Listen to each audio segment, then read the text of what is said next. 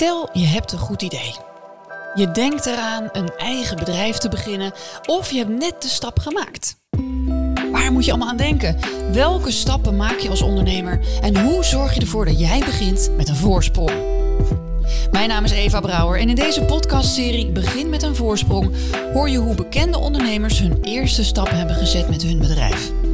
We gaan in gesprek over de stappen die je maakt als ondernemer, van goed idee tot succesvolle ondernemer. Hoe begin je? Waar loop je allemaal tegenaan? En hoe hou je werk en privé in balans?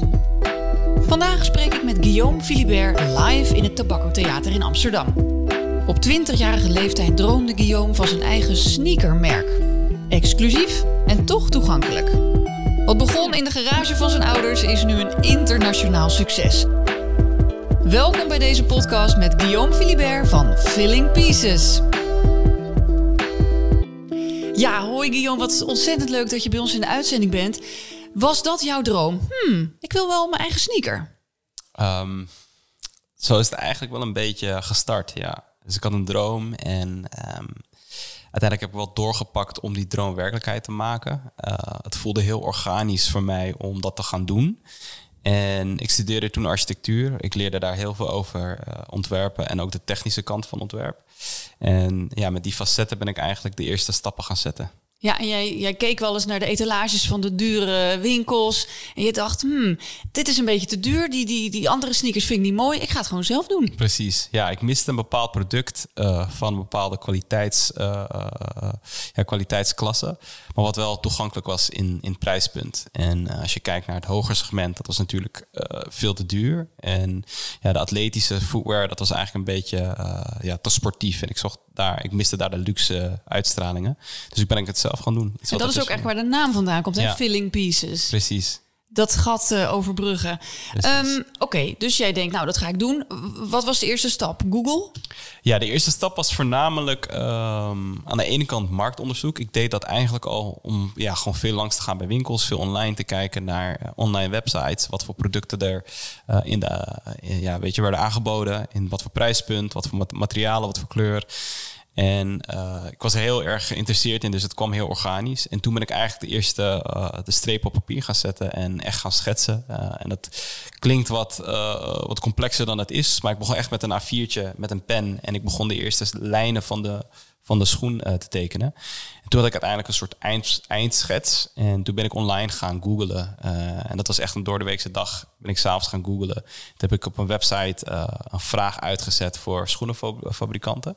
En toen werd ik de ochtend daarna wakker met 50 e-mailtjes van allemaal fabrikanten in Azië die geïnteresseerd waren om voor mij schoenen, te schoenen te produceren. Wauw. Je begint eigenlijk inderdaad gewoon met de vraag stellen. Hè? Precies, ja. Zou je dat ook mensen aanraden? Ja, het is niet. Vaak zoeken mensen naar antwoorden. Maar ik denk dat je ook vaak de vraag kan stellen en dat mensen daarop kunnen reageren. En dat je dan eigenlijk, uh, ja, dat er ook hele relevante informatie uitkomt. En wat, gevoel, wat voor gevoel kreeg je toen je die 50 e-mailtjes in je inbox zag? Dacht je toen al, hmm, dit zou wel eens wat kunnen worden? Ja, ik dacht eerst van oké, gelukkig is er dus, uh, zijn er dus kansen om schoenen te produceren. En ik had heel duidelijk aangegeven van ik ben een klein nieuw merk. Uh, ik heb maar budget om 50 paar schoenen te ontwerpen of te produceren. En dat was voor heel veel van die retailers was dat niet een soort probleem. En ik denk dat zij in de schetsen wel een soort toekomst zagen. En uh, toen zijn zij ingehaakt. Nou heb ik uh, een documentaire gezien over jouw werk. Die heb je gemaakt uh, vanwege jullie tienjarige jubileum. Overigens mensen, kan je kijken op YouTube. -hmm. Bridging the Gap heet die echt een aanrader. Uh, en daar zien we jou in de beginjaren met echt honderden schoenendozen in je ja. huis. In de kofferbak van je moeder zelfs. Hoe, hoe was die tijd? Ja. Ik, ja, ik kan het me zo nog herinneren als gisteren. Um, ja, naast, naast mijn studie en mijn bijbaantje in de avonduren waren we schoenen aan het inpakken. Zo simpel was het. En uh, ik had nog geen uh, opslag of een kantoor, dus ik deed alles vanuit huis. Mijn ouders werden helemaal gek van al die schoenendozen en zo. En uh, ja, dat, ik ben heel blij dat het uiteindelijk wel sneller is gegroeid en dat ik uiteindelijk ook een, een magazijn had en dergelijke. Maar je moet klein beginnen. En ik denk ook dat je daar als ondernemer niet voor moet schamen dat je klein begint. Nee, sterker nog, zie jij dat misschien ook iets als een voordeel dat je heel veel dingen zelf in eerste instantie doet? Ja, ik denk dat het super belangrijk is, vooral in het begin. Je hoeft niet overal expert in te zijn. Uh, maar ik denk dat het belangrijk is als, als beginnende ondernemer om in ieder geval te weten wat er allemaal nodig is of wat er allemaal te doen is uh, uh, in het ondernemerschap. En weet je, administratie, bijvoorbeeld een website bouwen, hoef je niet allemaal zelf te doen. Maar het is wel belangrijk dat je in ieder geval weet hoe belangrijk het is en hoe het in elkaar steekt. Ben je misschien ook, heb je te veel dingen alleen gedaan? Of heb je, ben je op tijd, durf je dingen op tijd uit te besteden? Ik denk dat ik blij ben dat ik in het begin heel veel heb gedaan uh, en heb geleerd. Alleen ik heb wel moeten leren om te delegeren. En ik denk dat dat iets is wat ik wel iedereen aanraad om te weten waar je goed in bent en daarop te focussen. En vervolgens waar je minder goed in bent, daar uh, dat uit te besteden. Waar was jij goed in? Uh, het creatieve proces. En, nog, en dat is nog steeds je, je, ja, je ja. kindje. En helemaal niet het administratieve.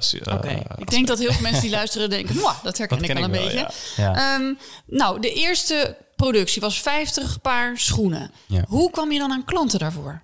Um, heel simpelweg e-mailtjes sturen. Uh, en weet je, je stuurde duizend e-mails uit naar winkels. En je kreeg Sorry, misschien, duizend? ja, bij wijze van, weet je wel. En dan kreeg je misschien uh, 20, 30 reacties, uh, waarvan er dan twee of drie happig waren. Ja, misschien waren het er geen duizend, maar het waren er dus niet drie. En dan, oh, Nee, niemand reageerde, nee, dan nee, jammer. nee, Gewoon echt. echt boem, boem, boem. Uitzetten, uitzetten, uitzetten. En voornamelijk ook langs winkels gaan. Ik ging echt met een koffertje langs winkels en ik kwam binnen en ik vroeg naar de inkoper.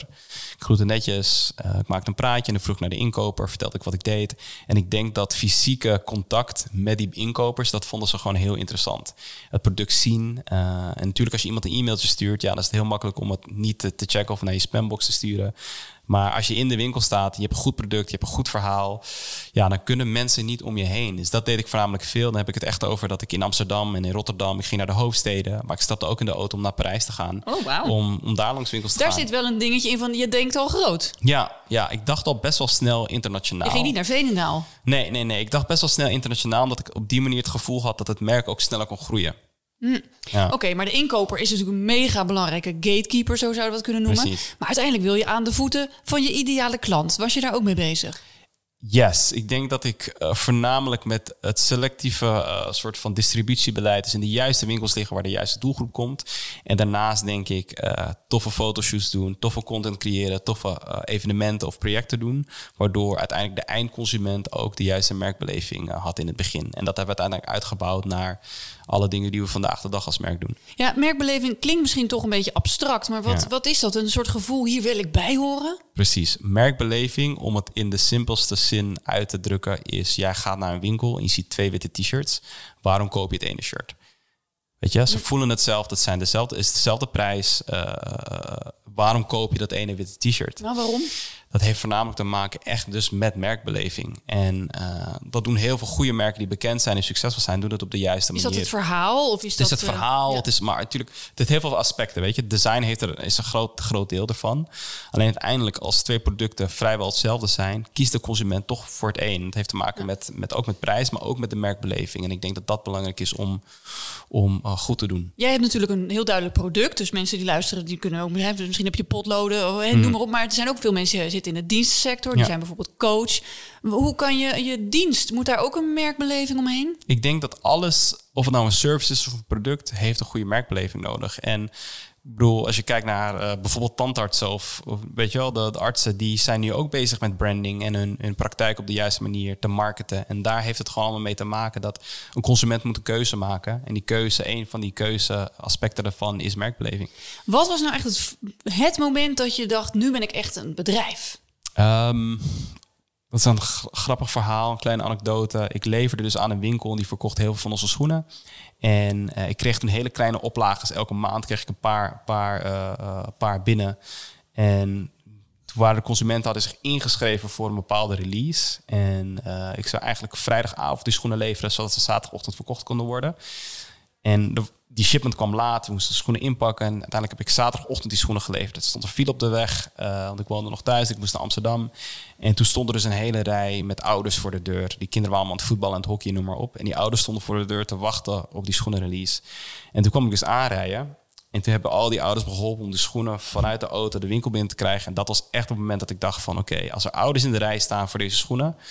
it gotta be something big. Wauw, ja. wat een heerlijk gevoel lijkt me dat. Ja, oh, was wat heel fantastisch. Ja. Uh, maar dan ook even de grootste tegenslag? Want daar leren we natuurlijk ook van. Ja. Eh, jij zegt overigens, hè, niet, eh, je zegt sometimes you win, sometimes you learn. Ja. Dus dat is een, mooie manier om naar jezelf te kijken. Maar eh, ja, kan je even met de billen bloot? Uh, nou, er zijn heel veel dingen die mis zijn gegaan in, ons, in onze onderneming. In de documentaire komt eigenlijk ook alles naar voren. Uh, ik denk de grootste fout die we ooit hebben gemaakt qua product is dat we ooit een schoen hebben geproduceerd. Dat was een bestseller van een bepaalde productierun. En daarvan was de samplekwaliteit heel goed, maar uiteindelijk een massaproductie. De productie die daarna kwam, uh, die was van mindere kwaliteit optisch gezien niet, maar als je dieper in het materiaal dook, was dat zo. En ja, dus eigenlijk net een manier om te zeggen, het ging scheuren. Het ging scheuren, ja. En toen we, we hebben de hele productie terug moeten halen. Mm. Dat heeft ons bijna het bedrijf gekost. En uh, op zo'n moment moet je doorzetten als, uh, als ondernemer. En wat was daarin je, je grootste les? Um, voornamelijk veel meer uh, te controleren op kwaliteit en dieper ja, dingen te testen. Dieper producten te testen op ja. kwaliteit en, en, en fit en dergelijke. Nou ben jij echt een creatieveling, maar op een gegeven moment ben je ook gewoon de baas van een heel groot bedrijf. Ja. Was dat een moeilijke switch voor je? Uh, nou, die dingen zijn eigenlijk organisch in elkaar doorgegroeid. Uh, creatief was ik eigenlijk gewoon bezig om collecties te maken. Maar aan de andere kant moest ik ook een bedrijf bouwen. Uh, gelukkig heb ik wel een partner die voornamelijk bewijs van de bad cop is en ik ben de good cop. en die combinatie werkt heel goed. Ja. ja maar wat is dan je grootste tip als het gaat om teams aansturen? Um, ik geloof heel erg dat. Ik geloof heel erg dat je niet heel corporate hoeft te zijn met allemaal bepaalde hiërarchieën in je bedrijfsstructuur. In ieder geval in ons segment, in, ons, in onze industrie. Uh, maar voornamelijk uh, sneller uh, de keuze te maken of iemand geschikt is voor je bedrijf of niet. Um, als iets niet werkt, geef een tweede kans, maar geef het zeker niet een derde of vierde kans. En investeer in je team. Investeer in je team. Niet alleen in salaris of whatever, maar ook in educatie en, en, en coaching. Ik denk dat dat heel belangrijk is. Nou zit jij tegenover mij met natuurlijk een Filling Pieces jas. Ja. En daarop staat ook met borduur van, hè, Ja, van Family. van Family, ja. Ehm, dat is ook iets heel, heel belangrijk in jouw bedrijf. Dat het gaat over iedereen mag meedoen. Dat wil je uitstralen met het merk, maar ook met je bedrijf, toch? Precies. Ik geloof heel erg dat de mensen die voor het bedrijf werken, ik zie het ook niet als mijn werknemers, maar echt als mijn collega's, ehm, die uiteindelijk weten zoveel van het merk, die dragen het merk, die dragen eigenlijk alles wat wij doen.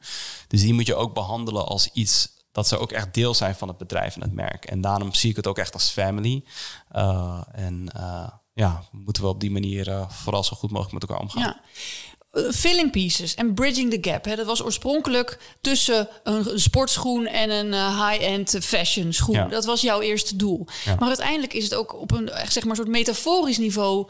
uh, heb jij ook de gap gebridged. Ja. Kan je daar iets over vertellen? Ja, ik denk voornamelijk dat uh, vooral de streetwear-industrie... dat komt uiteindelijk ontstaan, is dat ontstaan uit black culture. Een bepaalde subcultuur die uit de suburbs kwam van... Uh, uh, bepaalde delen in Amerika. En daar is een bepaalde cultuur ontstaan en een bepaalde klederdracht uit ontstaan. Nou, vervolgens heb je aan de andere kant heb je natuurlijk high-end fashion, de grote modehuizen in Parijs en in Milaan. Dat was natuurlijk voor de elite. En, en voornamelijk de, de, de white elites. En nou, weet je, wij willen als merk voornamelijk de brug slaan tussen verschillende mensen. En dus ook verschillende culturen en mensen samenbrengen. En dat doen we door verschillende campagnes of evenementen of überhaupt het runnen van het merk. En ik denk dat dat wel uh, voor ons heel belangrijk is. En de extra value die wij aan de consument geven. Ja. Jij hebt zelf Surinaamse roots. Ja. Dat neem je ook heel erg mee in, in het verhaal, toch? Precies, ja. Ik denk dat uh, uiteindelijk... Um, Waar we niet omheen kunnen draaien is uiteraard uh, de historie van het slavenverleden. Vroeger mochten slaven geen schoenen dragen. Dat zijn mijn great, great, great, great, great ancestors. Uh, vervolgens Surinaamse kid in de gouden bocht die schoenen maakt voor zoveel verschillende soorten mensen. Gemaakt als je kijkt naar de mensen die bij ons bedrijf werken door zoveel verschillende etniciteiten en culturen. Dan het voelt voor mij als een soort uh, round circle. Ja. Dit is het, een verhaal wat je hebt, hè, een missie, wat we ook wel de why noemen. Mhm. Mm -hmm. uh, heel veel ondernemers die luisteren denken zijn misschien bezig met, oh waar vind ik een sample of Mhm. mm -hmm. welk, welk materiaal moet ik gebruiken. Maar is het belangrijk om zo'n why te hebben? De why is voor mij de navigatie, uh, het kompas. Het kompas om te weten in de bigger picture waar ik mee bezig ben en waarom we dingen doen. Sta je op het moment dat je bijna failliet bent of dat je even niet meer weet uh, welke kant je op moet, die why geeft je weer de juiste richting en geeft je gewoon die navigatie. Is het kompas om te blijven doen wat je doet en of je de juiste kant op gaat. En wij passen dat toe op bijvoorbeeld uh, modellen die we kiezen voor een fotoshoot in super gedetailleerd uh, aspect. Maar ook hoe we de brand strategy voor de komende vijf jaar uitstippelen. Die why is gewoon de onderliggende, uh, dat is het fundament van wie we zijn en wat we doen. Jij hebt het gedaan. Als 19-jarige dacht je gewoon, ik ga gewoon mijn eigen schoen neerzetten. En het is uitgegroeid tot een, gewoon een internationaal modemerk. Als mensen nu luisteren met een droom, die denken, ja, kan ik dat wel? Wat mhm. zou je tegen hen willen zeggen? Geloof in jezelf. Ik denk dat, uh, dat we zelf veel meer kunnen dan we denken dat we kunnen. Geloof in jezelf en blijf ervoor vechten. Als je echt iets wil, zorg ervoor dat het gewoon gebeurt. Iedereen kan het. Als ik het kan, kunnen anderen het ook. Leuk dat je luisterde naar deze podcast met Guillaume Philibert van Filling Pieces. KVK krijgt veel vragen over starter. En 16 september is er weer een KVK Start-event. Daar kun jij gratis bij zijn met al je ondernemersvragen. En hebben we natuurlijk weer een inspirerende gast. Om erbij te zijn, kijk op kvk.nl/start.